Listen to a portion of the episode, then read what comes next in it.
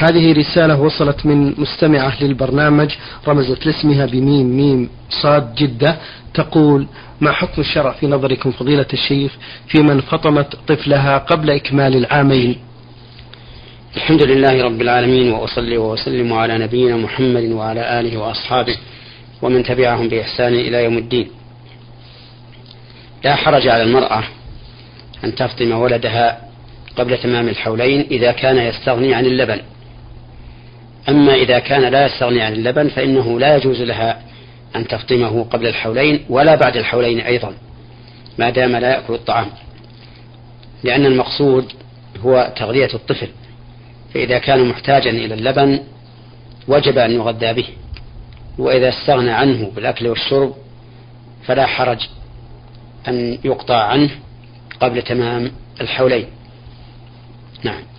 تقول في الفقرة الثانية بعد فطام الطفل أصيب بإسهال أدى إلى وفاته. هل على والديه شيء؟ هذا ينظر فيه. نعم. ما سبب هذا الإسهال؟ هل هو من أجل إعطائه غذاء لا يحتمله؟ فإذا علم أن سبب هذا الإسهال من تصرف الوالدة أو الوالد فإنه يكون على المتسبب كفارة وهي عتق رقبة فإن لم يجد فصيام شهرين متتابعين وعلى عاقلته دية هذا الطفل. نعم. بارك الله فيكم. مستمع من الرياض. يقول إذا أوتر الشخص قبل أن ينام وقام في آخر الليل هل له أن يصلي الوتر مرة ثانية أم أن وتره في أول الليل يكون كافيا؟ أولا يجب أن نعلم بأن الإنسان إذا كان يرجو أن يقوم من آخر الليل فإنه يؤخر الوتر إلى آخر الليل. وإذا كان لا يرجو أن يقوم من آخر الليل فإنه يوتر قبل أن ينام. لقول النبي صلى الله عليه وسلم من خاف أن لا يقوم من آخر الليل فليوتر أوله ومن طمع أن يقوم من آخر الليل فليوتر آخر الليل فإن صلاة آخر الليل مشهودة وذلك أفضل.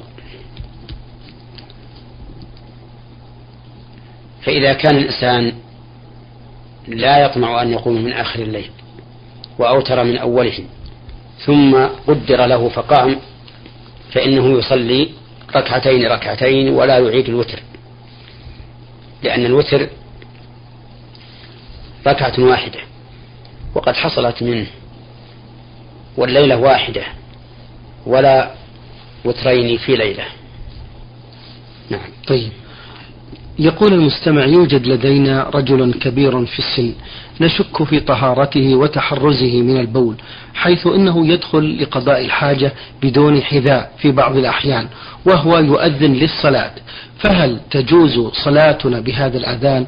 وعندما نقوم وعندما نقوم بنصحه يقول لا أريد أن أتعلم وإن الله غفور رحيم. فهل علينا إثم في ذلك؟ آه ليس عليكم إثم في ذلك إذا أبديتم النصيحة له. ولكنني لا أدري هل هو أحق بالنصيحة منكم. قد تكونون أنتم أحق بالنصيحة منه. وذلك لأن الحمامات في الوضع الحالي عند غالب الناس ليست نجسة في الواقع. لأن البول والغائط يقع في حوض معين ولا ينتشر إلى أرض المكان. ثم هذا الحوض المعين يعقبه يعقب البول فيه والغائط ماء يستنجي به الإنسان. فتبقى أرض المرحاض طاهرة ليس فيها شيء ينجسها. ولهذا لا ينبغي للإنسان أن يشدد على نفسه في مثل هذه الأمور. وأن يتوهم النجاسة فيما ليس في فيما ليس بنجس أو يتوهم الرشاش رشاش البول وهو لم يرش عليه. ولكن حتى لو فرض أن هذا المرحاض الذي يدخل فيه هذا الرجل ليس له حوض معين للبول وأن الإنسان يبول في نفس المكان ويجد البول تحت قدمه وما أشبه ذلك فإنه لا علاقة له بالصلاة لو أذن وهو متلوث بالنجاسة فأذانه صحيح ولا علاقة لا علاقة لهذا في صحة الطهارة في صحة الصلاة. نعم. عندما يكون الشخص في صلاة جهرية ولم يجهر بها ناسيا ولم يتذكر إلا في الركعة الثانية ماذا يلزمه حيال ذلك إذا لم يتذكر أنه جهر أنه أسر في الركعة الأولى إلا في الركعة الثانية فليجهر في الركعة الثانية. وأما في الثالثة أو الرابعة إن كانت الصلاة عشاء فإنه لا يجهر. لأن ما بعد التشهد الأول ليس فيه جهر. ولكنه يسن له أن يسجد للسهو من أجل ترك الجهر لأن الجهر سنة تركها الإنسان سهوا فليسجد له فليسجد لها لذلك على سبيل الاستحباب لا على سبيل الوجوب. نعم. بارك الله فيكم. قراءة القرآن من المصحف والشخص مستلقي أو متكي لا بأس بها. فإن النبي صلى الله عليه وسلم كان يقرأ القرآن وهو متكئ في حجر عائشة رضي الله عنها وهي حائض. فإذا قرأ الإنسان القرآن من المصحف أو عن ظهر قلب وهو متكئ أو مضطجع فلا حرج عليه في هذا نعم. يقول المستمع تدينت مبلغا من المال من بعض الأشخاص وقد أنفقت ذلك المبلغ ولا أملك المبلغ حتى أرده لهؤلاء الأشخاص لأنني رجل فقير وإني في حيرة من أمري لخوفي أن يدركني الموت قبل أن أتمكن من سداد الدين. فما الحكم في ذلك إذا لم يسامحوني هؤلاء الأشخاص؟ ثبت عن رسول الله صلى الله عليه وسلم أنه قال من أخذ أموال الناس يريد يريد أداءها أدى الله عنه ومن أخذها يريد إتلافها أتلفه الله. فإذا كان هذا الفقير الذي استدان من الناس بنيته أنه سيوفي فإن الله تعالى يوفي عنه. إما أن ييسر ذلك له في الدنيا قبل أن يموت وإما أن ييسر الله له من يوفي عنه وإما أن يوفي الله عنه يوم القيامة.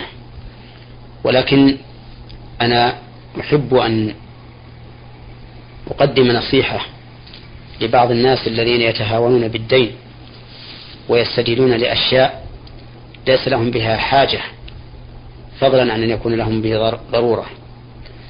فيثقلون على كواهلهم من الديون من أجل أمور كمالية لا يحتاجون إليها ولكن من أجل المباحات. وهذا خطأ منهم وتقصير. فإذا كان الإنسان ليس عنده شيء فليقتصر على ما أعطاه الله فقط. ولا يستدن من أجل أمور ليس له بها ضرورة فإن الدين شأنه عظيم. فقد روي عن النبي صلى الله عليه وسلم أن نفس المؤمن معلقة بدينه حتى يقضى عنه وثبت عنه أنه إذا قدمت إليه جنازة عليها دين ولم يترك الميت وفاء لهذا الدين أنه لا يصلي عليه. كما في حديث أبي قتادة رضي الله عنه أن رجلا من الأنصار توفي وعليه ديناران ثم جاءوا به إلى النبي صلى الله عليه وسلم ليصلي عليه فخطى خطوات ثم قال هل عليه من الدين قالوا نعم يا رسول الله ديناران فتأخر وقال صلوا على صاحبكم. فقام أبو فقال أبو قتادة رضي الله عنه ديناران علي يا رسول الله. قال عليه الصلاة والسلام حق الغريم وبرئ منه الميت. قال نعم. فتقدم وصلى. ثم لما فتح الله عليه الفتوح صار عليه الصلاة والسلام يقول أنا أولى بالمؤمنين من أنفسهم. وصار يقضي الديون عن الأموات ويصلي عليهم. وإذا كان هذا شأن الدين فلا ينبغي للعاقل فضلا عن المؤمن أن يتهاون به. نعم. بارك الله فيكم. هذا مستمع للبرنامج. حقيقة لم يذكر الاسم يذكر في هذه الرسالة ويقول فضيلة الشيخ لقد تزوجت من امرأة وكان زواجي بطريقة محرمة فيما سمعت وهو زواج الشغار. حيث أن والدي قال لي سنزوج أختك للرجل الفلاني ويزوجنا هو أخته مع التفريق في المهر. فما حكم الشرع في هذا الزواج المترتب عليه؟ وما المترتب عليه؟ أرجو الإفادة مأجورين. إذا كان هذا الذي وقع بدون شرط فإنه ليس من نكاح الشغار نعم. يعني أنه إذا كان أبوك حين خطب لك بنت الرجل أعطاه ثم إن الرجل بعد ذلك خطب أختك من أبيك فأعطاه. فإن هذا ليس بالشغار وعلى هذا فيكون النكاح صحيحا بالنسبة لك وبالنسبة للذي تزوج أختك. ولا حرج عليكما في هذا. والشغار أن يزوج الإنسان وليته على أن يزوجه الآخر وليته وليس بينهما مهر. بارك الله فيكم. هذا أبو عبد الرحمن غزواني يقول في سؤاله الأول أنا متزوج بنت عمي وعندي أطفال وبعد خمس سنوات علمت بأن عمي قد تزوج زوجة قبل عمتي التي أخذت بنتها ويذكر بأنه قد رضع من زوجة عمته الأولى ولم يتأكد من عدد الرضعات فما الحكم أيضا في ذلك؟ الحكم أن هذا الرضاع لا أثر له ولا عبرة به لأن الرضاع لا يؤثر إلا إذا علمنا أنه خمس رضعات معلومات مؤكدات. فأما مع الشك في عدد الرضاع فإنه لا أثر له ولا ولا يؤثر محرمية ولا تحريم نكاح. نعم. هذا مستمع رمز لاسمه بجيم عين ميم يقول بأنه شاب في الثانوية والحقيقة بأنه يقول لم أكن أصلي وإذا أمرت بالصلاة من الأهل فأنا أصلي بغير وضوء لوجود غشاوة على قلبي. يقول الحمد لله فلقد اهتديت لله سبحانه وتعالى وأصبحت من أصحاب المساجد بحمد من الله. يقول وإن شاء الله لن أغير منهجي هذا إلى يوم المكتوب. وحقيقة سبب هدايتي لله سبحانه وتعالى عندما سمعت خبر موت بحادث حصل لأحد الأقارب الأعزاء فلان قلبي واهتديت إلى الله فكانت عبرة لي بحمد من الله. وحقيقة إنني خائف إن كان الله سبحانه وتعالى سوف يقبل دعوتي بالهداية لهذا السبب أو العبرة التي مرت علي فهل تقبل هدايتي؟ وما الواجب علي في هذه الحالة؟ التوبة إلى الله تعالى مقبولة بأي سبب كانت. فمن تاب تاب الله عليه. والحوادث والمصائب تكون أحيانا خيرا يتعظ بها الإنسان ويتوجه إلى الله عز وجل ويلين قلبه. والله سبحانه وتعالى قد جعل لكل شيء سببا. وعليه فإن توبة هذا السائل مقبولة إن شاء الله تعالى وما تركه من العبادات في أيام سفهه فلا قضاء عليه فيها ولكن ندعوه إلى أن يكثر من التطوع والأعمال الصالحة والاستغفار والذكر. ونسأل الله لنا وله الثبات وحسن الخاتمة والعاقبة. اللهم آمين.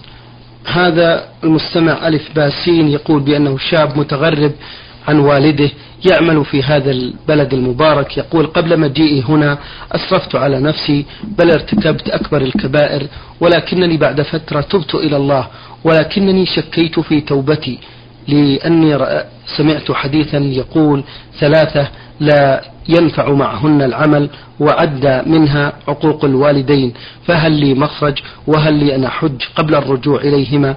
مع أني لو سافرت هناك قبل أن أحج محال علي الرجوع إلى هنا لصعوبة الطريق علي. وهل تقبل مني الأعمال الصالحة؟ أرجو النصح والتوجيه بهذا. نعم.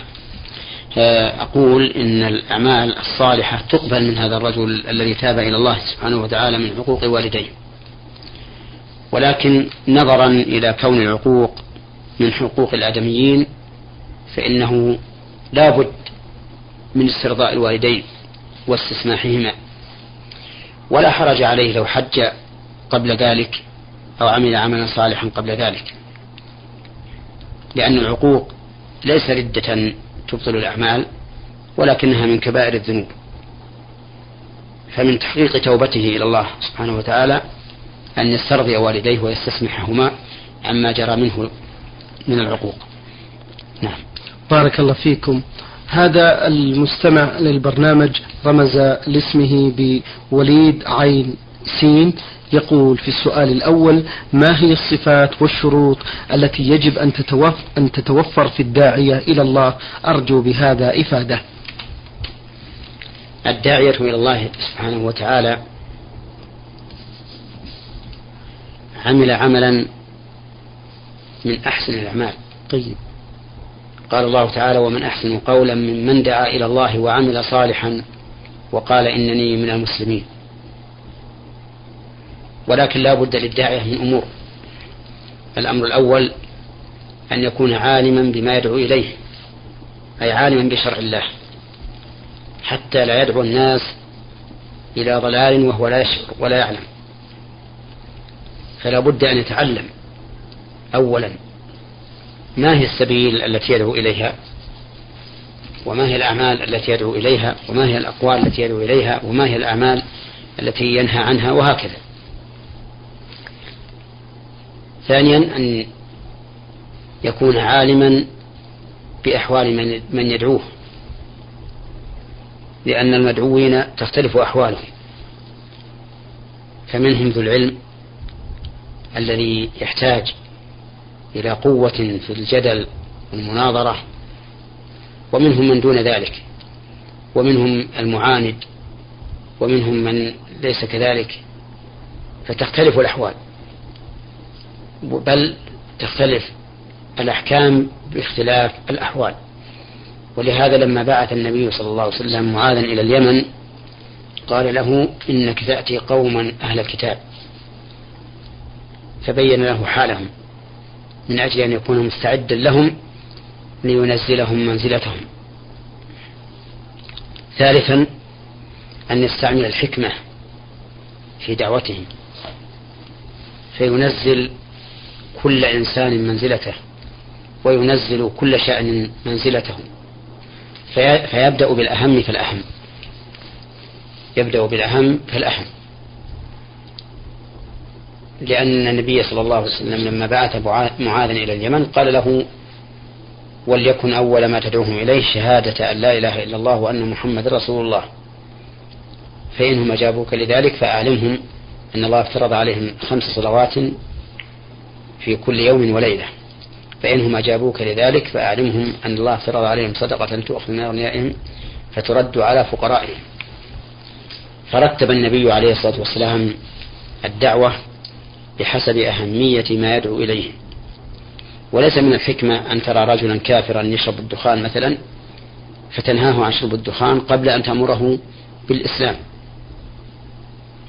وهذا أمر مهم يخفى على كثير من الدعاة حيث تجده يتعلق بالأمور الجزئية دون الأمور الكلية العامة.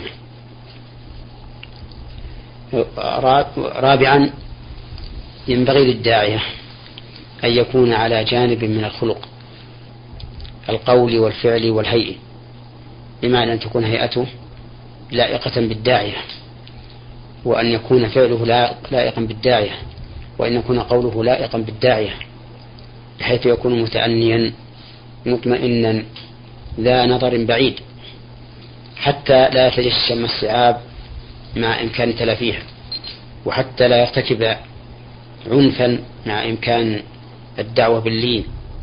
وهكذا يجب أن يكون الإنسان على حال يدعو الناس إلى دين الله باعتبار, هذه الحال. لأن كثير من الناس قد يدعو الناس لأن كثير من الناس ربما يدعو الناس إلى إلى الله عز وجل. ولكن أعماله وأقواله لا توجب قبول ما يقول. لكونه مخالفا لما يدعو الناس إليه.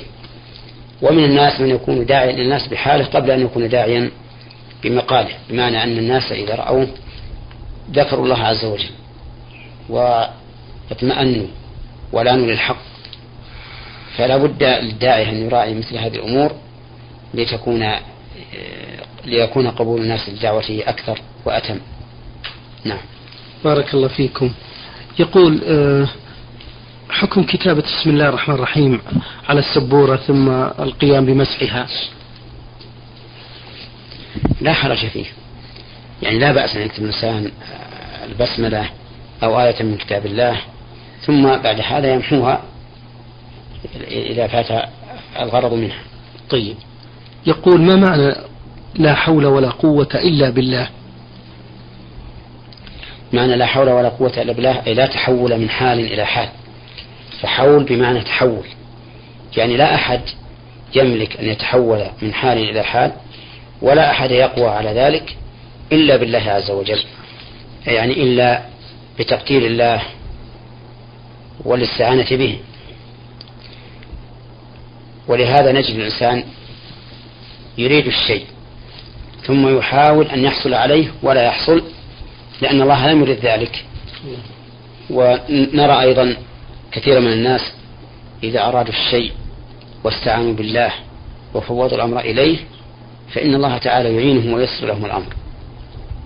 ومن ثم كان ينبغي للإنسان إذا أجاب المؤذن أن يقول عند قول المؤذن حي على الصلاة حي على الفلاح لا حول ولا قوة إلا بالله. يعني لا أنا لا, لا أستطيع أن أتحول من حالي التي أنا عليها إلى الصلاة ولا أقوى على ذلك إلا بالله عز وجل. فهي كلمة استعانة يستعين بها الإنسان على مراده. نعم. بارك الله فيكم.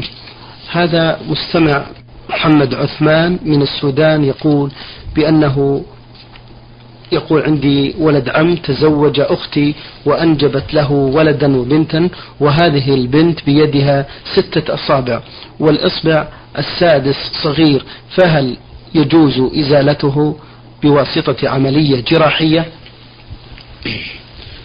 نعم يجوز أن يزال الإصبع من يد أو رجل بواسطة عملية جراحية بشرط أن نأمن الخطر على هذا الذي نريد أن نزيل ما زاد من أصابعه ومثل ذلك لو كانت الزيادة في غير في غير الإصبع أحيانا تكون الزيادة مثلا في الأذن.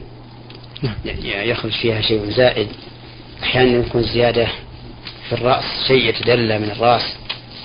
فالمهم أن كل ما كان عيبا يشوه الخلق يشوه الخلقة فإنه لا حرج أن تجرى له عملية بإزالته وتجميل موضعه بشرط أن يكون أن يكون الضرر والتلف مأمونا.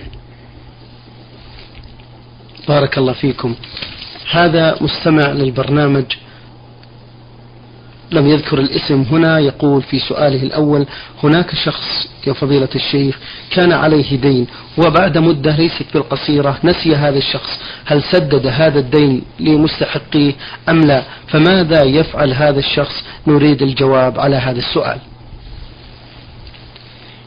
إذا كان على الإنسان دين وشك في تسديده فالأصل بقاؤه. حتى يتيقن أنه قد سدده.